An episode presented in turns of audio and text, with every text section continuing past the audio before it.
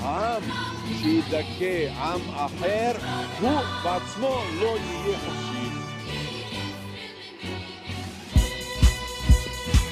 גל חדש, הפודקאסט של חדש תל אביב. שלום חברות וחברים, אני תומר שור ואתן מאזינות לגל חדש, הפודקאסט היחיד שעמית סגל חסם אותו בטוויטר. השבוע אנחנו מדברים על נושא שהעסיק אותנו לא מעט בעבר, התקשורת הישראלית. אבל הפעם נדבר לא עם חוקר, אלא עם עיתונאי רב פעמים, חגי מטר, פעיל פוליטי, מנהל אתר שיחה מקומית ו-972, שמעורב בארגון התנועים ובשלל יוזמות פוליטיות ואזרחיות. ננסה לקפוץ איתו בין הניסיון הקונקרטי שלו והמסקנות שלו על הפעילות שהוא שותף לה, לניתוח כללי יותר של שוק התקשורת הישראלי המשתנה. נדבר ביחד על הקשר בין הון, שלטון ועיתון, על סיקור או אי סיקור הצד הפלסטיני בעיתות מלחמה, ועל כל הקונספט הזה של תקשורת עצמאית מול תקשורת ממוסדת. אבל שנייה, לפני שמתחילים כמה דברים.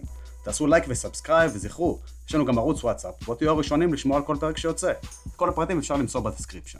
זהו, בואו נתחיל. אז שלום חגי, תודה שהצטרפת אלינו. שלום, תודה שהזמנתם אותי. כבוד הוא לנו. אז בואו נתחיל אולי בתמונה הגדולה. מה לדעתך הבעיה בעולם התקשורת הישראלי? איך הגענו למצב שכמעט כל כלי התקשורת מהדהדים את הנרטיב הממסדי? אני חושב שהבעיה הגדולה ביותר של התקשורת הישראלית היא, היא צנזורה עצמית. אפשר למנות הרבה מאוד בעיות מבניות של בעלות הון שלטון וכל הדברים האלה שאנחנו מכירים. Mm-hmm. יש ודאי גם את הצנזורה הצבאית וצווי איסור פרסום, המגבלות האובייקטיביות על אה, פרסום ב- בישראל הן הרבה יותר גדולות מאשר במדינות דמוקרטיות מערביות רגילות. עם זאת, הבעיות הגדולות ביותר, כמו שאמרתי, הן של צנזורה עצמית. כן. אני חושב שהבחירה לא לעסוק באופן רציני בעיקר במציאות של הכיבוש ובכלל ביחסים אה, קולוניאליים, במציאות האפרטהייד ברחבי הארץ בין הירדן לים, היא, היא בחירה של עיתונאים, והיא בחירה שנובעת משיקולי רייטינג, פופולריות, פחד לפעמים, אה, אבל היא לגמרי בחירה והיא בחירה פוליטית. ומאיפה היא מגיעה לדעתך? אני חושב שזה שילוב של בורות, מה, של הקהל תקשורת או של העיתונאים לא, קודם כל של, של עיתונאים, שאנשים לא מבינים עד הסוף את המציאות הפוליטית שאנחנו חיים בה. זה ברבדים רבים של, ה, של העיתונות. ולצד זה, שוב, בחירה פוליטית, כלומר עקרונית, מהותית, שסוג התקשורת שאנחנו רוצים לעשות היא כזאת שמתרכזת ביהודים, הקהל שלנו זה יהודים, לשם אנחנו פונים ואנחנו לא רוצים לעצבן אותם. אה, אני דיברתי עם עיתונאים פעם בשביל איזה מחקר, כן. ש, שאמרו לי, תראה, אנחנו יודעים שיש סיפורים נורא נורא מעניינים לספר, אבל המאזינים שלנו לא רוצים לשמוע את זה, הצופים שלנו לא רוצים לשמוע את זה, אז אנחנו מעדיפים שלא, זה גורם לנו לירידה ברייטינג, אז אנחנו מעדיפים שלא. זה בעצם ביצה ותרנגולת באיזשהו מקום. לגמרי. אה, היה לנו בעונה הקודמת, אירחנו את חוקרת התקשורת דוקטור נועה לוי, אם אתה מכיר, היא סיפרה לנו שבניגוד למה שאנחנו נוהג, נהוג לחשוב, אתה יודע, אנשים אוהבים לחשוב שהתקשורת אה, פעם הייתה יותר טובה ופעם הייתה אמיתית ונשכנית, אבל היא סיפרה לנו שמאז ומתמיד, מאז הקמתה, גם התקשורת החוקרת בארצות הברית וגם בעיקר בארץ, היא הייתה תמיד, היא הייתה שבועה באינטרסים תאגידיים, ותמיד היה להם, אה, אתה יודע, את העורך ואת, ה, ואת המו"ל, שהוא הכתיב את אה, כל הקו.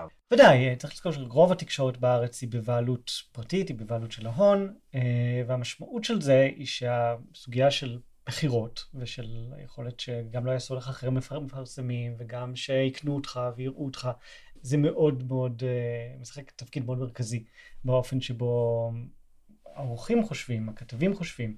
אני מכיר הרבה מאוד עיתונאים טובים, מחויבים, שרואים כן. סיפורים טובים ונתקלים בדרג עריכתי שאומר להם סליחה, אנחנו לא יכולים להרשות לעצמנו את זה, הקוראים יברחו מאיתנו, הצופים יברחו מאיתנו. Uh, לצד זה צריך להגיד, יש בארץ גם שידור ציבורי uh, שיכול בעיקרון לעשות מה שהוא רוצה, שלא כבול לשיקולים של רייטינג, כן. זה לא מה שמכריע לו שום דבר. וגם הוא בוחר לא לעשות את הדברים האלה במשך שנים. אה, אני חושב שכן, הרבה פעמים הוא, הוא בוחר לעשות יותר, אני חושב שיש מקרים שאנחנו רואים אותו קצת יותר מעז, אבל יש גם מקרים לאורך השנים אה, שמתוך מחויבותו לשלטון, אה, בבעלות הממשלה, מהמקום הזה הוא בוחר uh, לציית, בטח ובטח שהשידור הציבורי כולל גם את גלי צה"ל, כן. אז uh, בכלל שאלה, זה אופרה כאילו, אחרת לגמרי, כן, כן, כן. שלא חייבים להיכנס אליה עכשיו. זה יכעיס, כן. רק נראה לי, רק יכעיס את שנינו. נראה לך שזה הולך להשתנות, אתה יודע, אפרופו החקירות של ביבי, נוני מוזס, המוות של שלדון אדלסון, אתה, אתה רואה איזה תזוזה שם? אני לא חושב. אנחנו רואים דווקא בתחומים האלה של שחיתות, אנחנו רואים שהעיתונות כן יודעת לעשות את העבודה שלה. חשיפות של אה, פרשיות שחיתות, של נתניהו, של אולמרט, של שרון. כמה שתלך אחורה, רבין, כאילו לא משנה כמה תלך אחורה, דווקא בדברים האלה, העיתונות היא, נשכנית, היא אמיצה, היא מעיזה לעשות את הדברים הנכונים, אבל היא פשוט מפספסת מבחינה פוליטית את הסיפור הגדול הנוסף. האחר אה, שקורה כן, פה. בעצם מכניסים את עצמם לתוך קופסה מסוימת. לגמרי. ואז אומרים, תראו, אנחנו מתעסקים בשחיתות, אנחנו מתעסקים בזה, אנחנו עושים את העבודה שלנו. ואנשים גם, אתה יודע, אנשים אומרים, התקשורת שמאלנית, כי הם חוקרים את ה... כי הם אה, מציגים את כל החקירות על ביבי. אבל זה הרי אבסורד, אנחנו, אני מסתכל על הסיקור שהיה במבצע האחרון, שהיה את הקוף שנפגע בספארי מרסיס, סיקרו אותו יותר מהילדים ההרוגים בעזה, וזה מתחרפן אותי, כאילו, אני, אני לא מבין איך העיתונאים, העיתונאים האלה, שהרבה מאוד גם מודעים לכל מה שקורה, איך, איך, איך, איך זה מצב שממשיך? תראה, זה מצב כל כך אבסורדי, אה, לא הרבה אנשים זוכרים את זה ב-2014, בסיבוב הקודם בעזה, אה, המצב היה כל כך קיצוני של התת סיקור של מה שקורה בעזה, שבדובר צה"ל ובלשכת ראש הממשלה התחילו להתקשר לעיתונים להגיד, אתם חייבים להראות את החורבן בעזה, אתם לא מראים מספיק מה קורה בעזה, אנחנו לא נוכל לגמור את המלחמה הזאת, כי הישראלים חושבים שאנחנו מפסידים. אה, כל רקטה שנופלת כאן, והקוף בספארי, כן, זה כאילו דוגמה כן. נהדרת, כל רקטה שנופלת כאן, אז פותחת מהדורות, אבל מחריבים בניין והורגים שתי משפחות עם שמונה ילדים, ואף אחד לא שומע על זה פה בכלל. אז- זה מזיק אפילו לימין ואפילו לשלטון, כי מלחמות נגמרות ואנשים מרגישים שהפסדנו. כן, זה אבסורדי, כי אה, כאילו, אה, קצת מפוצץ לי את השכל עכשיו, שהשלטון רוצה שאנשים יראו את ההרס שלנו, כי זה מציג אותנו כחזקים. זה מציג אותנו לפחות כ breaking even. כאילו, זה, זה, זה המצב בעצם, שגומרים את סיבוב המלחמה האחרון, וכולם אומרים, תקרא את העיתונים, כולם אומרים, זה, זה ניצחון חמוץ, או תחושה של אה, פספוס, ואותו דבר היה ב- בצוק איתן. עכשיו, הדיספרופורציה של כמות ההרוגים והיקף החורבן היא מטורפת. אבל בגלל שלא מראים את זה, אז הצבא והדרג הפוליטי שרוצים להיות מסוגלים מתישהו להגיע להפסקת אש, אומרים, אנחנו לא יכולים לעשות את זה אם הלחץ הציבורי הוא, תראו, ירו עלינו רקטה והיא פגעה בבית, ומישהו נפצע, אפילו מישהו נהרג, ובצד השני לא קורה כלום. מה זה לא, לא קורה כלום? לא ראינו שקורה כלום. כן. ולכן יש לחץ פוליטי פתאום על עיתונאים להראות יותר את החורבן. אה, אני חושב, אגב, שיש עניין ציבורי בהרס בצד שני הרבה יותר גדול ממה שעיתונאים חושבים. כלומר, הפחד הזה, המשתק הזה, הוא, הוא לא רק חוטא למקצוע ולמהות ובטח לעקרונות אה, פוליטיים חשובים, אלא אפילו למה שהצופים רוצים. בסיבוב הקודם ב-2014 אנחנו רק השקנו את שיחה מקומית כן. חודשים בודדים לפני. חשבנו שאתר קטן, צוות של שני אנשים וחצי, אולי יהיו לנו כמה עשרות אלפי קוראים בשנה הראשונה. ואז פרצה המלחמה, היה צוק איתן, והיו לנו חצי מיליון קוראים תוך שלושה חודשים. וואו. ואנשים שבאו אלינו אמרו, אנחנו לא מסכימים עם העמדה שלכם על המלחמה, כל המאמרים שלכם אה, נגד הצבא וזה לא מקובלים עלינו, אבל אתם המקום היחידי בכל הארץ שבו כל יום יש דיווחים של אנשים בתוך עזה שכותבים מה קורה שם, ופשוט אין לנו את המידע הזה בשום מקום. אני חושב שאנשים כן Mhm. רוצים את המידע הזה ויש פה זלזול לא הוגן באיזשהו מקום של אה, עיתונאים בציבור. זה מעלה לי שאלה שאולי אולי מתנשאת באיזשהו מקום, האם מה שהציבור רוצה הוא, הוא נדבך בעבודה עיתונאית? האם, האם העיתונות משרתת את הציבור, או שהיא משרתת את, ה, את הרצונות של הציבור, או בעצם אידיאלים מופשטים של אמת? תראה, אני חושב שגם וגם. כלומר, אה, יש משהו בעיתונות שאמור לשאול את עצמו מה הציבור רוצה, וגם אמור להתעניין במה שהציבור רוצה. אני חושב שצריכה להיות תחושה של שליחות עיתונאית, שבאה ואומרת, מה חשוב לקהל שלי? חשוב לקהל שלי, למשל, ז'אנר שמאוד מאוד חשוב לאנשים, זה, זה אקספליינרים בסיסיים. בוא תסכם לי מה קרה. בוא תסביר לי איך מוציאים את הכסף שביבי עכשיו הבטיח שאני אקבל מענק אה, קורונה. בואו תגידו לי את הכלים הבסיסיים, כי אין לי כוח להתחיל לגגל עכשיו. כן. תן לי כאילו שלושה פתרונות פשוטים לאיך לעשות דיאטה. כלומר, יש את הרובד הזה של העיתונות, שהוא בוא תעשה לי סדר בחיים, אני צריך את זה ואתה נענה פה לצורך של, אה, של אנשים. אני חושב שיש גם משהו אינהרנטי בעיתונות, שהוא מתנשא.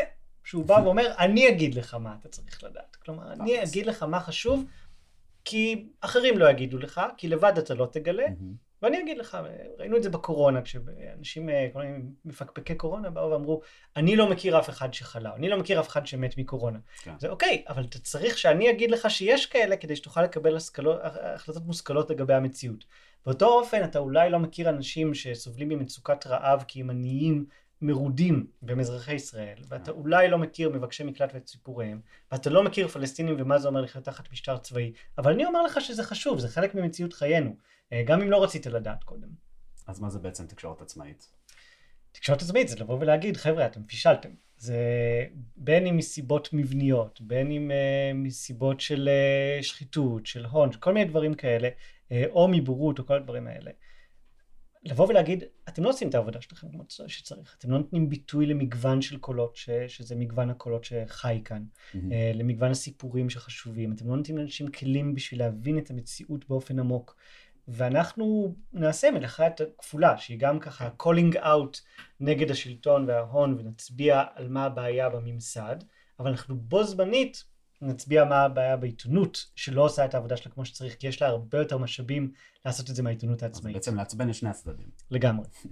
ומתוך הנישה הזו של התקשורת העצמאית, מה, מה זה שיחה מקומית? אז תראה, שיחה מקומית זה, זה באמת האתר היחיד בארץ שגם ברמת הייצוג מנסה לשים לב שיהיו קולות פלסטינים, שאחוז מאוד מאוד משמעותי, משתנה מתקופה לתקופה, אבל 20, 30, 40 אחוז מהכותבים יהיו פלסטינים, וזה ביטוי קצת יותר אה, קרוב למציאות של האוכלוסייה שאשכרה גרה פה. כן. אה, גם מבחינת הסיפורים שמספרים, יש הרבה תקשורת עצמאית בארץ, אבל גם התקשורת העצמאית, רובה המכריע, נמנע מלעסוק בכיבוש, נמנע מלעסוק במציאות פלסטינית. ולמה זה לתוך מה שאמרת קודם, השיקולים של מה, הקה, מה הם חושבים שהקהל רוצה? כי נגיד... גם. כי כלי תקשורת נגיד עצמאיים, נגיד, אה, נגיד המקום הכי חם, שהם אה, ממומנים על ידי הציבור. אז זה בעצם אפשר לראות בצורה מאוד פשוטה אם הציבור רוצה לצרוך את התכנים האלה. ואני חושב שיש הרבה ציבור שכן רוצה לצרוך את התכנים האלה. אז למה גם כלי תקשורת שכביכול אין להם את השיקולים האלה של אה, עורך ומו"ל, למה גם הם נמנעים מעיסוק בנושאים כואבים? אז קודם כל אני חושב שהציבורים שלהם לא דורשים את זה. באופן משמעותי. המקום שקוף, אתרים שאני מאוד מעריך, ועושים עבודה נהדרת, אבל אני לא חושב שהציבור שלהם בא ואומר להם, אתם מפספסים את הסיפור, לא יכול להיות שלא תגידו לנו מה קורה עם הדברים האלה. וזה גם אנשים שרגילים לתרבות העיתונאית בישראל, mm-hmm. של מה חשוב, מה מוכר. כן. אני חושב שכן יש שיקולים של traffic גם אצלנו, כן? אנחנו גם מנסים לספר סיפורים בצורה שתנגיש, שאנשים יתעניינו. כן. ועדיין, הם בוחרים שלא לעשות את זה, הם בוחרים לכסות נישות אחרות שתקשורת המיינסטרים מזניחה. כן. אה, ושיחה מקומית זה באמת המקום האחד שמנסה לעשות גם את הדבר הזה, אבל גם כמה שאנחנו יכולים, ואנחנו מוגבלים, לנסות גם לתת מקום למאבקי עובדים, וגם לסוגיות חברתיות, וגם לאקלים, שגם מפוספס, סיפור מאוד מאוד מפוספס בעיתונות הישראלית, אה, בהשוואה למה שקורה במקומות אחרים בעולם. אה, קשה לעשות את הכל עם צוות קטן, תקציב מוגבל, אבל עושים מה שיכולים. אתה מרגיש שזה מהדהד על השיח גם אצל הקוראים וגם על שוק התקשורת? כן, אני לגמרי לגמרי מרגיש שזה משפיע, למשל בתקופה האחרונה, ממש במאי האחרון, mm-hmm. כשפתאום, ואפשר להגיד שזה אפילו עוד קודם, מרגע שנתניהו התחיל להכשיר את עבאס, בתקשורת yeah. כן. הישראלית, שבמשך שנים הייתה נטולת ערבים, פשוט לא היו. נכון. אה, פתאום הבינה שיש את הציבור הזה, והפוליטיקה שלו רלוונטית, והיא משפיעה גם עלינו, ואולי צריך לשים לב ולהבין מה קורה שם. פתאום התחילו להזמין אזרחים פלסטינים לאולפנים. זה פתאום התחיל לקרות, כאילו במאי. נכון. אה, אה, השיעור הפלסטינים שדיברו באולפנים עלה מסביבות 2% בדרך כלל ל-18%. זה משהו וואלה, מטורף. זה, זה פשוט דבר מטורף. עכשיו, כשכלי התקשורת במיינסטרים מחפשים מאיפה נביא אנשים, לא הכשרנו, לא הכשרנו עיתונאים, לא הבאנו, אז פונים הרבה פעמים אלינו, ואנחנו ממש רואים איך אנשים וואו. שכותבים אצלנו, הם חברי צוות שלנו, הם כותבים פרילנסרים אצלנו, כותבים אצלנו, ועוד באותו היום, או למחרת, מוזמנים לדבר באולפנים, בטלוויזיה, ואתה רואה שזה אחד מהמקורות המרכזיים גם למה הסיפורים וגם מי האנשים שיכולים וואו. לספר אותם. ואיך זה מרגיש להיות מקפצה? נהדר, נהדר, ממש. כלומר, אני מסתכל על אנשים שהתחילו אצלנו ועכשיו הם כאילו כבר פחות אצלנו מרוב שהם נמצאים באולפנים, וזה ממש ממש משמח. כאילו, בדרך כלל בעיתונות יש איזו תחושה של תחרות, של כאילו, לא, הוא לקח לי את הכותב הזה. Okay. כן. להפך, אני אומר שכל כך הרבה קולות נהדרים שמפוספסים, אם אני יכול לתת להם את החשיפה, ואז כאילו שאחרים יקלטו אותם ו- וירוצו עם זה, מהמם, מושלם. אני חושב שגם אפשר לראות את זה בכלי תקשורת עצמם, גם בפרויקטים שהם מרימים, יש עכשיו את הפרויקט הזה של הארץ, אה, שבדיוק ראיינו את ינאל ג'בארין שכותב mm-hmm. פה. אתה חושב, אתה גם לוקח על זה באיזשהו מקום קרדיט? תראה, אני חושב שאפשר להגיד שכן, לא היה כזה דבר, הארץ קיים 100 שנה, אה, ועכשיו ב-2021 השיקו את הארץ 21, אומרים בואו נביא כותבים פלסטינים, וזה דבר שבאמת לא היה קיים. אה, מי שקדם לי בתפקיד כמנהל צריכה מקומית, נועם שזף, עבד בהארץ ועבד במעריב, הוא אמר, כן. בשניהם היה עיתונאי ערבי אחד, וזה היה אותו אחד. ו-. והדבר הזה, כן, הדבר הזה השתנה, כלומר, שפתאום באים ואומרים, נביא עשרה אנשים, מעבר לעיתונאי הפלסטיני האחד שלו, נביא עוד עשרה. אני חושב שזה שינה באופן מוחלט את הסיקור בהארץ אה, בחודשים האחרונים לטובה. אני ממש ממש מעריך את מה שהם עושים, ו- וכן, אני שמח להגיד שהיינו ככה מבשרי הדרך בנושא הזה. אחלה. ואולי תספר לנו גם על אה, 972, מה מה הרעיון? אז 972, היסטורית, מגזין 972 קדם לשיחה מקומית, יש פה Mhm. איזה משחק מילים, 972 זה חיוג כן, מחו"ל, ושיחה. מקומית זה אם אה, מתקשרים בפנים. אה, אז מגזין 972 הוקם ב-2010, חגג לאחרונה עשור. אה, תודה, ו- ובעצם הוקם על ידי עיתונאים שאת כל מה שדיברנו עכשיו על העיתונות הישראלית, אמרו על העיתונות הבינלאומית. כן. הסתכלו על מה קורה בניו יורק טיימס, הסתכלו על מה קורה בגרדיאן, בוושינגטון פוסט וב-CNN, אמרו שהסיקור של המקום הזה הוא מעוות לגמרי, הוא פשוט לא מבין מהמם. מה קורה. במקרה הטוב מדברים על שני צדדים שווים, במקרה הרע גם נרטיב של אה, דמוקרטיה מתגוננת מול טרור, מהמם. ומפספסים לגמרי את הסיפור של המציאות על הקרקע. וככה התחיל 972, אני חושב שמבחינתי כיום, כמנהל שמפעיל את שני האתרים האלה, אה, צריכה מקומית צריך להגיד, אנחנו מוציאים במשותף עם אה, ארגון Just Vision, אז שם אני Mhm. מנהל שותף, ב-972 אני מנהל לבד. הרעיון של שני כלי התקשורת האלה, אני חושב שהם מאוד מאוד משלימים אחד שני, גם שני צוותים כן. ש... שמספרים סיפורים ומתרגמים זה מזה, אבל בעיקר קונספטואלית, אני חושב, איך אנחנו מדמיינים שיקרה פה שינוי פוליטי. אה, יש את העניין של לחנך ולחזק כוחות בתוך הציבור הישראלי, אה, וזה ממש ממש חשוב, וזה מה ששיחה מקומית עושה. מהמם. אבל יש גם ניתוח פוליטי, ש- שבעיניי הוא מאוד מאוד נכון, שאומר, המציאות היא, אמיתית החומרית, זה עוד רובד ש- שעליו לא דיברנו מבחינת שיקולים של העיתונות. המציאות היא שישראל והישראלים, ככלל, מרוויחים מהכיבוש, מרוויחים מהמציאות הנוכחית, ואין להם אינטרס לשנות אותו. כלומר, עד כמה שתבוא ותגיד, זה לא מוסרי, או ככה אפשר אחרת, אין אינטרס לשנות את מבנה הכוח הזה, ולחץ למי חיצוני. אינטרס? ל- לישראלי, למדינה, לישראלי הממוצע או לישראל אני חושב הרשמית? שלישראלי הממוצע. אני מאמין כן? שאפילו הישראלי הממוצע, לא שאני חושב שיהיה לו בהכרח רע אם יהיה שינוי, אבל הפחד מהשינוי הוא מאוד מאוד עמוק. הדברים שישראל כן מרוויחה מההגמוניה המוחלטת, שלא צריך פתאום להתחיל לדבר על הנכבה, לא צריך להתחיל לדבר על שיבה, לא צריך להתחיל להתחלק בכוח בין יהודים לערבים, אלא רק בין קבוצות שונות בחברה היהודית. הדבר הזה הוא דבר שיש איזשהו אינטרס משותף ליהודים לשמר אותו, מהמם. ואני חושב שצריך לקרוא עליו תיגר, וחלק מלקרוא עליו תיגר זה להציע לו חלופות, ולהראות למה אפשר אחרת מתוך הציבור הישראלי. אבל זה גם לעודד את המאבק הפלסטיני, עד כמה שאנחנו כן. יכולים כבני ברית, וזה גם להגיד לאנשים שלא נמצאים כאן, ולמדינות אחרות, להגיד, יש פה בעיה וצריך לחץ בינלאומי. והרעיון של 972 זה לבוא ולהגיד לעולם, אתם מפספסים את הסיפור, אתם נותנים לישראל איזה גיבוי מוחלט ו-. וחינמי, וזה לא צריך להיות ככה. אני חושב שבעשר שנים האחרונות באמת באיך שהעולם והעיתונות בעולם מסתכלות על, על הסכסוך בישראל, זה היה, זה היה שינוי, אה, שינוי שכאילו, אני לא יכולתי לדמיין אותו. אם נגיד לפני עשר שנים, מה שאמרת, שפשוט מציגים את זה כשווים מול שווים. היום, נגיד יש את השער של הניו יורק טיים שהתפרסם גם בארץ, יש כל השיח בכל הרשתות החברתיות, שהן פשוט מזדהות כמעט באופן מוחלט עם, ה, עם הנרטיב הפלסטיני. ולמה, אני, כאילו, אני יודע למה בארץ זה לא קורה, אבל... איך, ב, איך בעולם השינוי הזה היה כל כך מהר, ובארץ זה כאילו, צריך להזיז פה הרים, כדי שאנשים, אתה יודע, הם אומרים למה אתם, למה בחו"ל תמיד, ואז כשהם מדברים, מפרסמים את זה בארץ, אז לא, זה פוגעים במאמץ המלחמתי, כאילו, איך, איך אפשר לנסות לשנות את זה גם בארץ, לדעתך? תראה, אמרת איך, איך זה קרה כל כך מהר, אני חושב שזה לא קרה מהר, זה קרה אחרי עשרות שנים. כלומר, המציאות פה היא, היא לא חדשה. מהר, ביחסית לתקופת אה, החיים שלי, אולי זה מהר, אז... אני, אני כן חושב, אני, אני באמת חושב שיש איזושהי תחושה בשנה האחרונה ממש, של אה, איזושהי מישהי, חברה בארצות הברית, תיארה לי את זה בתור, אה, אני מרגישה כאילו נפלה חומת ברלין. כלומר, בכל מיני מעגלים דמוקרטיים, פרוגרסיביים, דברים שלפני חודש או לפני שנתיים, בטוח פשוט אי אפשר היה לדבר, אי אפשר היה לדבר ככה על ישראל, פתאום כולם מדברים ככה, כן. ברור שכולם חושבים ככה, זה, זה הקונצנזוס, כאילו, במעגלים דמוקרטיים.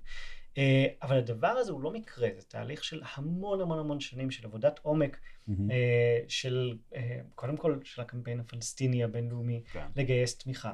ושל בני ברית ושל גופים כמו 972 שבאים ואומרים תראו גם יש גם ישראלים שמסכימים לדבר הזה נכון. ויש גם פלסטינים שכותבים את 972 כלומר זה אתר משותף צריך להגיד אה, ומוציאים את הקול הזה מפה ומציעים דרך אחרת.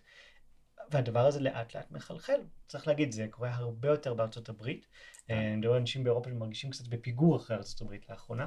זה מתחבר עם Black Lives Matter, זה מתחבר עם העוינות העצומה כלפי טראמפ, אה, שפתאום הזיהוי המוחלט הזה בין ישראל לטראמפ אה, היה בעוכריה של ישראל, וזה הפסיק להיות איזה מין עניין שכולם תומכים בישראל ברור, אלא לא, זה כמו טראמפ, זה כמו השוטרים הגזענים כן. שהורגים שחורים. אני חושב שזה גם מתחבר ל, ל, ליהדות ש- שמתרעמת נגד הניסיון של ישראל לנכס את הנרטיב היהודי למעשים של, של ישראל, שכאילו מת, מתמרדים נגד הניסיון לתייג כל ביקורת על ישראל כ, כאנטישמיות. השאלה היא מי זה יהדות ארצות הברית, כלומר צריך להגיד, רוב הכוח הממסדי של יהדות ארצות הברית נמצא במקום אחר לגמרי, הוא תומך לגמרי במדינת ישראל, אם אתה מסתכל על הגופים הגדולים, קונגרס הנשיאים, אה, אייפאק, כאילו, כן, אבל זה גם לא המסיביים- באותו מקום שהוא היה לפני עשר שנים. נכון, נכון, לא, לא, הדברים זזים, אין ספק, כאילו, וזה שאנחנו רואים בהדרגה, אז קם ג'יי סטריט, ואז אה, Jewish Voice for Peace, וכאילו, אתה רואה שיש איזה תהליך אה, שהוא גם מאוד מאוד דורי, ככל שאתה Mhm. מסתכל על יהודים. יותר צעירים, אז אה, זזים יותר ויותר לשמאל ולמקום יותר ביקורתי, ועדיין, הממסד היהודי שם, הוא עדיין כממסד מאוד מאוד מאוד פרו-ישראלי, ואני חושב שהתזוזה הזאת קורית גם בציבור היהודי, אבל ממש לא רק, כלומר באמת יש Mhm. כוחות, ואם אתה מסתכל על המפלגה הדמוקרטית, יש כוחות של סולידריות אה, שחורה פלסטינית שמשפיעים מאוד, אתה רואה פתאום כנסיות שחורות וארגונים של grassroots כאלה של, אה, של אה, קהילות שחורות, שפתאום אומרים fuck, מה שקורה בפלסטין זה אותו דבר, ויורים עלינו באותם אה, כדורי ספוג ובאותם טקטיקות, והמשטרה אה. שלנו פה באיזה עיירה כאילו נסעה לישראל לאימונים וחזרה עם, עם הנשק. ו... הדבר הזה משפיע מאוד מאוד מאוד, וזה ממש לא רק הסיפור היהודי. אה, לפעמים אפילו יותר משזה הסיפור היהודי, זה סיפור דווקא של קבוצות מיעוט. נכון. וארגוני עובדים גם. זה תמיד, זה תמיד חשוב להזכיר את ארגוני כן. העובדים, נכון? אז אפרופו ארגוני עובדים, אולי תספר לי קצת על אה, ארגון העיתונאים. אז ארגון העיתונאים קם אה, במקור במסגרת ההסתדרות לפני אה, Mhm. כבר שנתיים, אנחנו בעצם יצאנו מההסתדרות, אה, ו, וזה ניסיון להחיות את ההתאגדות בעולם העיתונות. אה, ניסיון שמאוד מאוד הצליח, צריך להגיד, כן. כשאנחנו התחלנו את הארגון לפני בערך עשר שנים, קצת פחות מעשר שנים, העיתונות כבר הייתה ענף לא מאוגד. המעסיקים שברו לגמרי את ההתאגדות, למעט ברשות השידור. זה היה בחוזים אישיים, פרילנסים. כן, הזקנים ביותר, היה להם עוד הסכם קיבוצי, אבל זה היה ככה עשרה אנשים במעריב וחמישה אנשים בידיעות, כלומר ממש לא, לא משהו רציני, וכל השאר היו כולם, אה, כן שכירים, אבל בחוזים אישיים. מהמם. אה, וגם הרבה פרילנסרים, ובלי אף אחד שיגן על הזכויות שלך, ובלי שום הגנה על החופש העיתונאי, שנובע בין היתר מיציבות תעסוקתית. וארגון ת- העיתונאים... תרחיב על זה שנייה, על ה... אז, אז אני מגיע לזה, אני אה, מגיע אוקיי, לזה. אז ארגון העיתונאים בעצם בא לתוך חלל ריק. בהתחלה המייסדים, זה יאיר טרצ'יצקי וחבורה של אנשים אחרים. אה, פנו לאגודות העיתונאים הוותיקות ואמרו בואו נחיה את הדבר הזה, בואו נתחיל לאגד, גם אני בעצמי עבדתי אז במעריב, כן. הלכתי לאגודת העיתונאים בתל אביב, הייתי חבר, אמרתי תנו לי חומרים, תנו לי טפסים ואני אלך ואני אחתים אנשים במעריב, נצרף אנשים, נחיה את ההתאגדות. לא ענו לי למייל, לא ענו לי לטלפון, כאילו, אני אעשה את העבודה, לא צריך, תנו לי טופס, משהו. וככה בעצם קם הארגון? ותוך רגע, כלומר הייתה תמיכה מוחלטת, כאילו צריך להגיד ההסתדרות של אז, זה לא ההסתדרות של עכשיו, אה, הייתה תמיכה מוחלטת, בזמנו זה היה בגיבוי מאוד מסיבי של אה, ניסנקורן, וואלה. אה, ממש ממש ממש דחף ומאוד מאוד עזר לנו, והייתה תנופת התאגדות שאני חושב הייתה מאוד מאוד מאוד קשורה לשני תהליכים שקרו, אחד זה התקפות של נתניהו. אה, על חופש עיתונות והשמצות של עיתונאים וכל הדברים שאנחנו מכירים אה, ו- טוב ואוהבים, מאוד, כן. לגמרי, ועם השנים נחשפנו אפילו יותר ממה שידענו אז. והדבר השני זה המחאה החברתית של 2011, שעיתונאים סיקרו, ופתאום Mhm. אתה להגיד, רגע, זה גם הסיפור שלנו, גם אנחנו לא משתכרים מספיק, גם אצלנו התנאים לא עודכנו, והייתה איזו תנופת התאגדות באותם שנים, גם בסלקום, שלאחרונה הוביל כן. למחאה בסלקום, ש- בסולידריות עם פלסטינים, כלומר כל מיני דברים כאלה.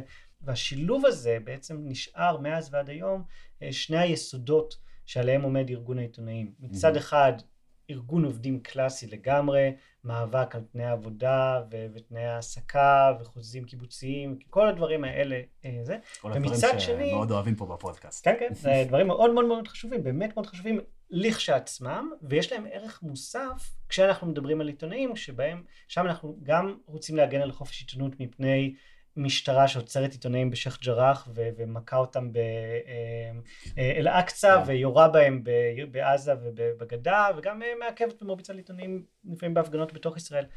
אז יש את מהמם. המציאות הזאת, אבל יש איום נוסף על החופש העיתונאי, שהוא מה שדיברנו ממש בהתחלה, כן. אה, כל מבנה העומק של אה, השיקולים הפוליטיים והאינטרסנטיים והכלכליים של אה, בעלי כלי התקשורת, והיכולת לפטר עיתונאי בגלל שהוא כתב משהו שלא בטוב, הוא עשה תחקיר שלא מתאים לך, להעיף בן אדם מהיום למחר, זה כוח מאוד מאוד מסוכן שפוגע גם בציבור ובשליחות העיתונאית, מעבר לזה שהעיתונאי הבודד כן. אה, נפגע. לכן בהסכמים הקיבוציים שלנו אנחנו מנסים להבטיח אה, כמה שיותר, אין לנו קביעות עדיין או משהו כזה, מהמם. אבל אנחנו כן מנסים לדאוג שיהיו אה, כללים של אתיקה שנותנים לעיתונאים עצמאות, שמונעים בעצם פיטורים של אנשים מכל שיקול שהוא לא באמת, באמת אפשר להגיד, הם עברו, אה, זה, הם לא באו שבוע לעבודה, או לא יודע, כל מיני כאלה. אה, וההגנה הזאת היא ממש ממש חיונית ליכולת שאני מקווה, בכובעי גם כשיחה מקומית וגם כאקטיביסט וגם כל הדברים האלה, אני מקווה שעיתונאים שמרגישים באופן הדרגתי יותר ויותר בטוחים כעובדים, גם ירגישו יותר ויותר בטוחים לנצל את ההגנה הזאת כדי לספר סיפורים שהם מרגישים שחשובים ושעד עכשיו מנעו מהם לספר. ואתה רואה את זה גם בשטח? קורה? אני חושב שאנחנו מתחילים לראות את זה קורה. זה, זה תהליך הדרגתי, אבל אני חושב שזה משהו שמתחיל לקרות, ואני חושב שככל שהתודעה, וזה זה ממש מחוויה אישית, כי הייתי גם יו"ר כן. ועד במעריב, החוויה של כמה זמן לוקח לעובדים לצאת מה, מה-state of mind של אה, חוזה אישי, ואני Mhm. דואג רק לעצמי, ואין מי שיגבה אותי, ואין לי איך לשרוד אם יפטרו אותי, למצב שרגע, אני חלק מכוח גדול יותר, ואני יכול לעשות את השליחות שלי כי יש לי גב, זה תהליך מחשבתי שמאוד מאוד קשה לעבור אותו. כן. וככל שאנשים רואים עוד מקרה ועוד מקרה ועוד מקרה, שמשיגים לפרילנסר את הזכויות שלו והופכים אותו לעובד שכיר, ומונעים פיטורים של אה, מישהו שמאגד עובדים, וכל פעם עוד משהו כזה, זה מקרב אותנו עוד קצת לתחושה של עיתונאים שהם יכולים באמת לעשות את העבודה שלהם כמו שצריך. אני חושב שזה באיזשהו מקום מתקשר לי לשאלה הבאה, שזה הנושא שמרחף ככה מסביב לכל השיחה, וכמובן נושא לתזה שלמה, אבל הרשתות החברתיות.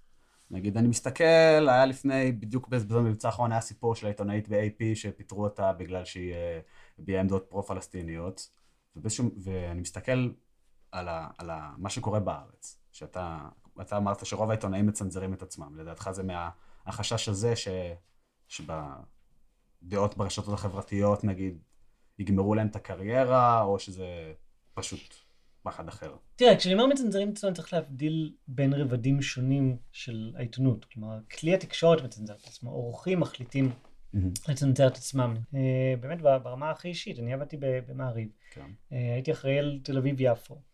היה לי סיפור נהדר, מה זה נהדר? איום ונורא, על אה, משפחה שבאו לפנות. אותה, כן, משפחה שבאו לפנות אותה מדירת דיור ציבורי ביפו. מהמם. שני הורים נכים, שלושה ילדים, אין להם לאיפה ללכת, העיפו אותם מהבית, הם, הם גרו באוהל על, על הכביש מול הבית שלהם. ובאתי וסיפרתי את זה לעורכת שלי, והיא אמרה לי, "אה, הם יהודים או ערבים? אמרתי? להם ערבים. "אה, טוב, אז הצ- הציבור שלנו לא רוצה לשמוע את זה. עכשיו, זה צנזורה עצמית. אף אחד כאילו לא מונע ממעריב לספר את הסיפור הזה. אה, אני בתור העיתונאי לא צנזרתי את עצמי, אני הצעתי את הסיפור, אני רציתי לספר אותו. אבל המנגנונים של העריכה דואגים שדברים כאלה לא, לא יקרו. ואני מספר את הסיפור הזה כי ממש כמה חודשים לאחר מכן, הייתי בישיבה, אחת מהישיבות הראשונות של ההתאגדות של העיתונאים, מה שהתחלנו את ארגון העיתונאים, מהמם. ומישהו שאל בשיחה, אמר, לכמה אנשים פה יצא להביא סיפור שהוא סיפור מטורף, איזה עוול איום ונורא שקרה, והוא עשה את התחקיר וזה זה, וכבר התקרב לפרסום, ואמרו לו, רגע, זה ערבים? אז זה לא סיפור. ו-90% מהעיתונאים בחדר הרימו את היד. כלומר, יש חוויה מצטברת של עיתונאים מהמם. שהם רוצים לספר את הסיפורים האלה, ומונעים מהם. ממש פשוט אקטיבית מונעים מהם. אז לכן צריך לעשות את ההבחנה הזאת של מי מצנזר את עצמו. Mhm. כלי התקשורת, העורכים, לא בהכרח הכתבים בשטח. אז בוא, בוא שניה נדבר יותר על טוויטר. אני יודע שהרבה כן. אנשים, אני באופן אישי, רוב החדשות שאני צורך זה מהטוויטר, בין אם מעיתונאים שמפרסמים כתבות נקודתיות, או פשוט אנשים שכל הדיווחים שהם עושים זה בטוויטר. זה פשוט נהיה גוף תקשורת באיזשהו מקום. מה, איך אתה חושב שזה משפיע גם על התקשורת וגם על העיתונאים עצמם? ככלל אני חושב שזה דבר חיובי, כלומר יש פה איזושהי פתיחה של שיח ש... שהיא מאוד מאוד טובה, יוצרת איזה מין בת אה, יותר רחב, אתה יכול לעקוב אחרי מי שאתה רוצה ולקבל, אידיאלית, אני תמיד ממליץ לאנשים, אל תעקבו רק אחרי אה, שיחה מקומית והארץ והמקום, כלומר תעקבו אחרי כל הדברים השונים כדי שתדעו מה לא אחרים להיכנס חושבים. לתיבת תעודה. לגמרי, תצאו מתיבת תעודה, ת, תעשו את המאמץ האקטיבי, נורא נורא מפתה להישאר רק עם מי שאומר את מה שאתה אוהב לשמוע. מהמם. תלכו ותשמעו מה האחרים אומרים, כי לא נוכל להתקיים כחברה אם לא תדעו מה הטיעונים של מי שעומד מולכם. נכון. אה, אז נראה לי ממש ממש חיוני, וזה, וטוויטר כמובן מנגיש את זה, אתה לא צריך לעשות עכשיו מנוי לעשרה עיתונים שיגיעו לך הביתה ותקרא את כולם, אלא אתה פשוט מסתכל בטוויטר. זה דבר מאוד מאוד חיובי. גם אבל- היכולת להתווכח אה, היא, היא גם טובה, ואני גם חושב שכל העליהומים שיש של אנשים, גם זה בסופו של דבר לא נורא מדי. כאילו, נכון. אה, בסדר, אז מישהו כתב עליך משהו לא נחמד, אז 100 אנשים כתבו עליך משהו לא נחמד.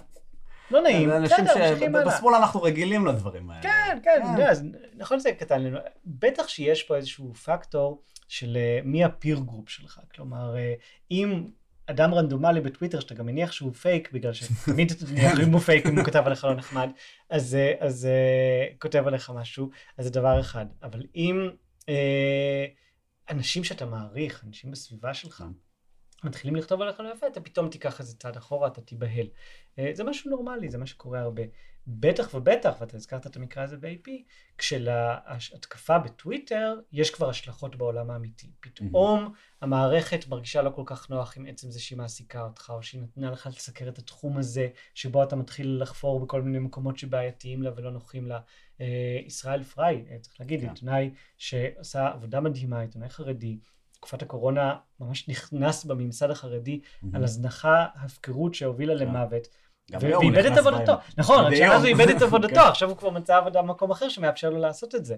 אה, ואני מאוד שמח מזה, באמת אה, אדם מדהים. אה, אז כשלדברים האלה יש השלכה אמיתית כבר בעולם, אני חושב שזה, אלה עדיין המקומות המסוכנים. עם כל הכבוד culture ב- ברשתות החברתיות, הסכנה היא ב- במציאות, כשזה מוביל להתקפות פיזיות על אנשים, כשזה מוביל לפגיעה בפרנסה של אנשים, שם זה נהיה ממש ממש מסוכן. ויכוחים אונליין, שיהיו ויכוחים. כן. זה מעניין שאמרת, בדיוק, כי, כי בדיוק באתי לשאול על הקנסל קול, של תרבות הביטול, שתמיד אה, ימנים בארצות הברית, ועכשיו גם התחילו להביא את זה לארץ, אוהבים להתלונן על זה, אבל לרוב האנשים שחווים את, ה, את הפגיעה האמיתית, שלא סתם אה, כתבו להם משהו לא יפה בטוויטר, זה אנשים מהצד השמאלי של המפה, או אנשים שמבקרים את מוקדי הכוח. והם באמת, אתה יודע, יש אנשים שפיטרו אותם, אנשים ש, שעברו doxing, שחשפו מקרים אישיים שלהם, והימין, מה שהוא מתלונן עליו זה שאנשים לא אהבו טור של בן שפירו, לדוגמה. אז איך, איך, כאילו, איך, איך מיישבים את הדיסוננס הקוגניטיבי הזה? או שפשוט לא מיישבים. תראה, אני חושב שכן צריך להגיד, אני לא יודע מה יותר ומה פחות, אני לא ראיתי אף פעם נגיד מחקר שבדק כמה אנשים פוטרו בגלל מה שנקרא דעות שמאליות וכמה בגלל דעות ימניות שהם פרסמו, כל מיני דברים כאלה. אה, צריך להגיד, אנשים כן פוטרו גם בגלל שלאחרונה פוטר אה, כתב הבריאות הוותיק של ניו יורק טיימס, Mhm. בגלל שהוא אמר את ה-N-word, כאילו, הסיפור שלם. אה, אז, אז, אז יש גם דברים כאלה. אני חושב ש... שמעתי פשוט פודקאסט מעולה אה, שנקרא The Dig, אה, פודקאסט סוציאליסטי אה, אפשר, אמריקאי. אפשר להביא פה המלצות לפודקאסטים, רק, כן, מחו, רק מחו"ל אבל. רק מחו"ל. ובין היתר היה להם פרק על הקאנצל קלצ'ר, ואחד מהדברים שדיברו עליהם זה שה- שהתגובה הזאת, כאילו של הימין שנלחץ, קשורה בדיוק למה שציינתי קודם בתור דבר חיובי שקורה. ברשתות חברתיות, שזה הפתיחה של השיח. פתאום אנשים שמעולם לא היה להם מקום בשיח, יש להם, והם באים ואומרים, כואב לנו, וזה באשמתכם. והדברים האלה שאתם אומרים הם גזעניים, או הם מתנשאים, או הם מנציחים את, ה, את השליחתה של ההון, או הם כל מיני דברים כאלה. וה, ופתאום אומרים, רגע, למה משתיקים אותנו? אנחנו תמיד אמרנו את הדברים האלה ששירתו את ההון, ששירתו את הפטריארכיה, או Mhm. נה נה נה, ותמיד חשבנו שזה בסדר, ופתאום באו האנשים האלה, מאיפה הם באו לנו בכלל, והם פתאום אומרים שצריך אה, להשתיק אותנו, ואולי אפילו לפטר אותנו, שזה נורא. נורא. אה, והתגובה הזאת היא בעצם תגובה לדמוקרטיזציה כן. של השיח, שפתאום יש עוד קולות ויותר ביקורת על מה שנראה בתור נורמלי, מה שנראה ניטרלי. אה, מחבר את זה שוב לעבודה שלנו, זה סוג של, אה, למשל, הנכחה של הקול הפלסטיני בעברית או, או, או באנגלית, לבוא ולהגיד, עד עכשיו הדיון היה לגמרי לגמרי פנים יהודי ופנים ציוני. תראו איך זה נראה משם, לפעמים אולי זה לא יראה נחמד, לפעמים אולי יהיו דברים, אנשים, אנשים שכותבים מקומית ואני לא מסכים איתם. כן. אבל אתם חייבים להבין שהקול הזה קיים, עד עכשיו אתם פשוט התעלמתם ממנו. עכשיו תקשיבו, לפעמים זה יהיה כואב, זה יהיה לא נעים, אבל אתם חייבים להתמודד איתו כי הוא חלק מהמציאות. כן, אני גם חושב שה outcry הזה באיזשהו מקום, זה, אני חושב שזה ציטוט של מלקולם אקס, שאומר שאף כוח מעולם לא ויתר על הפריבילגיות שלו מתוך רצונו ה- הטוב. בדיוק, אז בדיוק. נראה לי שזה, נראה לי אנחנו פה קרובים לסיום, אבל אז יש לי שאלה שמתאימה לסיום, לגבי העתיד של העיתונות המסחרית בארץ והעיתונות העצמאית. אתה רוצה, אתה רואה את הטרנד של העיתונות העצמאית מתרחב, או שאולי באיזשהו מקום הוא ייסוג אחורה? איך, איך אתה רואה את העתיד? שאלה מעניינת, אני, אני מקווה שהוא יתרחב, אה, בגלל שבתור מנהל של כן. תקשורת אני מנסה להרחיב אותו. אה, חלק מהעבודה שלי זה לנסות לאפשר לנו לצמוח ולפנות לקוראים שלנו ולעודד אותם להיות חברים בשיחה מקומית ב-972, שיצטרפו ושיאפשרו לנו לממן את העבודה הזאת. אז, אז זה חלק ממה ש, שאנחנו עושים. אבל אני חושב שיש פה, יש איזושהי אה, תקרה. כלומר, אנחנו אולי נגדל, אולי נוכל אה, לפרסם יותר, ושיהיה לנו, מערך הפצה יותר טוב, ועוד פה ועוד שם. אוקיי, אבל אנחנו לא נתחרה בישראל היום. אם כן, אז זה מאוד מאוד ישמח אותי, אני מקווה שנצליח. שמה התקרה היא כלכלית בסופו של דבר? יש תקרה כלכלית, בפירוש, אני חושב שבעיקר כלכלית, אה, ואם נצליח לפרוץ אותה, נפלא. אה, אני חושב שההשפעה שלנו בתכנון האסטרטגי שלי, זה שההשפעה שלנו היא בכל אופן תמיד תהיה יותר ב calling out של תקשורת המיינסטרים, ושהם לאט לאט יתחילו לתקן את עצמם, אה, שזה יקרה יותר מהר מזה שאנחנו נגדל מספיק בשביל להיות יותר כן. גדולים מהם. תהליך דיאלקטי. אה, כן, כן, כן. אה, ואנחנו רואים את זה קורה, באמת, אנחנו רואים את זה לפעמים, זה, עניין אפילו של דקות. דיברת על טוויטר, במקרה של אום אל-חיראן, כשכל כלי התקשורת, באמת, כאחד, פשוט. אמרו, כאילו, הם לא יכלו להיכנס, הם לא יכלו, להיכנס לאום אל-חיראן ולראות מה קרה שם, המשטרה הטילה פשוט פרסמו את מצור. ההודעות של הדוברות של פשוט פרסמו, המשטרה. כאילו, זה מחבל, אה, זה, דרס שוטר, נה, נה, נה. ואנחנו, היו לנו אנשים בפנים שישנו שם לפני, והוציאו את הסיפור, ואמרו, יש עדות, ראייה שמראה אחרת. ואנחנו העלינו את הסיפור שלנו דקות אחרי שזה עלה אה, במקומות האחרים.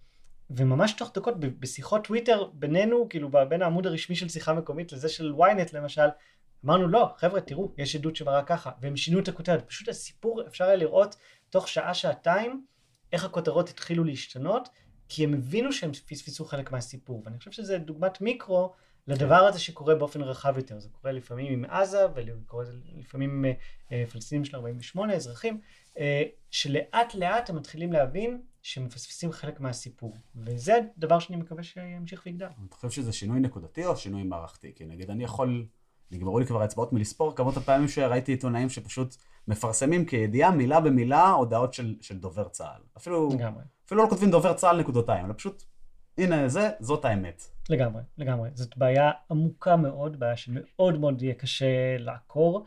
אפשר רק לקוות שככל שאנחנו נהיה מסוגלים יותר ויותר להצביע ולחשוף את המקרים האלה ולהראות פה שדובר צה"ל משקר ופה דובר צה"ל ופה זה, אז אנחנו נוכל גם לבוא לעיתונאים ולהגיד להם, תקשיבו, הנה 20 מקרים בחצי שנה האחרונה שדובר צה"ל פשוט שיקר לכם ואתם פרסמתם את זה באפס ביקורת. כן. אולי תתחילו להעביר ביקורת, כאילו, אולי תתחילו לעשות את העבודה שלכם. אבל הבעיה היא, בעיניי לפחות, היא לא שדובר צה"ל משקר, כי זה, בסופו של דבר זה המטרה שלו, הוא שם כדי, נכון, לגמרי, לגמרי. הבעיה היא שלא יודע, יש עיתונאים שהם פשוט עצלנים. הם, זה, אין, לי, אין לי הסבר אחר לזה, פשוט נותנים להם הודעה, קח תפרסם, תפרסם. אני לא רוצה לקרוא לזה עצלנות. אני לא חושב ש... כלומר, אולי עצלנות זה איזשהו רכיב בזה, אני חושב שיש עוד רכיבים. אה, אחד, זה סוג מסוים של דרישות מהמערכת, אה, למשל לראשוניות. כל העניין הזה של אנחנו מתחרים אחד בשני, ואנחנו חייבים תמיד להיות אלה שמוצאים את הפרסום הראשון, או מקסימום דקה אחרי ההוא, כי אם לא, אז זה, אסון וזה פוגע במוניטין שלנו. אה, אבל זה דבר איום ונורא, כי זה בדיוק אומר שכשיוצאת הודעת דובר צה"ל, אז אתה לא רוצה להיות השני שמוציא אותה, ובטח שלא מי שמחכה שעתיים כדי להרים טלפונים ולבדוק ולהצליב מקורות ולבדוק אם זה נכון או לא נכון.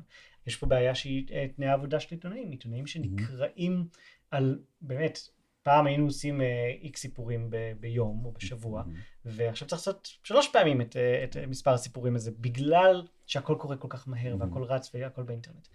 וגם במקביל יש פחות כסף להשקיע. בדיוק, אז יש, יש פחות כסף, התנאים פחות טובים, אה, התחרות קשה, הדרישות של המערכת הן רבות, וגם תוסיף על זה את אם אתה, אה, כאילו אם כולם אמרו, אה, ילדים פרצו להתנחלות בדרום הר חברון, ואתה אומר, לא, חיילים עצרו ילדים סתם בגלל שהם הלכו לקטוף עקוב. בדרום הר חברון, אז כולם יצחקו עליך, יגידו, מה, תראה, אה, בכל המקומות האחרים ככה." אמרו אחרת, אז אתה בוודאות טועה.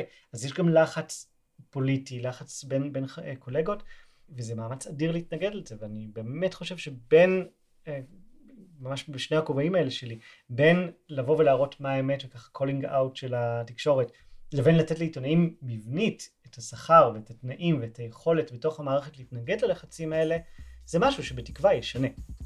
אז תודה רבה חגי על השיחה המרתקת הזאת. תודה לכם. רבים בישראל אוהבים לחשוב על התקשורת כעל גוף עצמאי ונושך, שתפקידו לתווך את המציאות ולהסביר אותה לצופים. אבל כמו שאנחנו יודעים, וכמו ששמענו מחגי היום, התמונה האידיאלית הזאת רחוקה מהמציאות.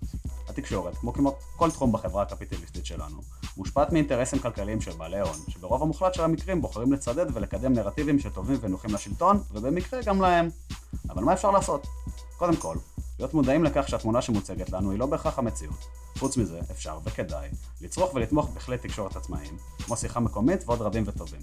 מרקס אמר שהמטרה היא לשנות את העולם, אבל בשביל זה צריך לדעת מה באמת קורה בו. עד כאן להיום גל חדש, הפודקאסט של חדש תל אביב. מבטלות את המנוי להארץ, קוראים חדשות רק בטוויטר? תכתבו לנו, אנחנו בכל מקום שאפשר להיות בו. יוטיוב, ספוטיפיי, אפל מיוזיק וכל אפליקציות פודקאסטים שיש לכם. אם אתם רציניים באמת, בואו לקבוצת הוואטסאפ האקסקלוסיבית שלנו, בה תהיו הראשונים לדעת כשיוצא פרק חדש. ואם אהבתם את מה ששמעתם, תשתפו, תדרגו, תספרו לחברות ולדודים, תעזרו לנו להגדיל את הגל. זה גם המקום להודות לגולי דולב השילוני על התחקיר, לדוריאל לונקה על ההקלטה, לטל שדות על הסאונד, לכל צוות הפודקאסט, וכמובן שגם לכם, המאזינות והמאזינים שלנו. תודה שוב לחגי מטר שהיה איתנו, אני הייתי תומר שור, איתכם עד הניצחון.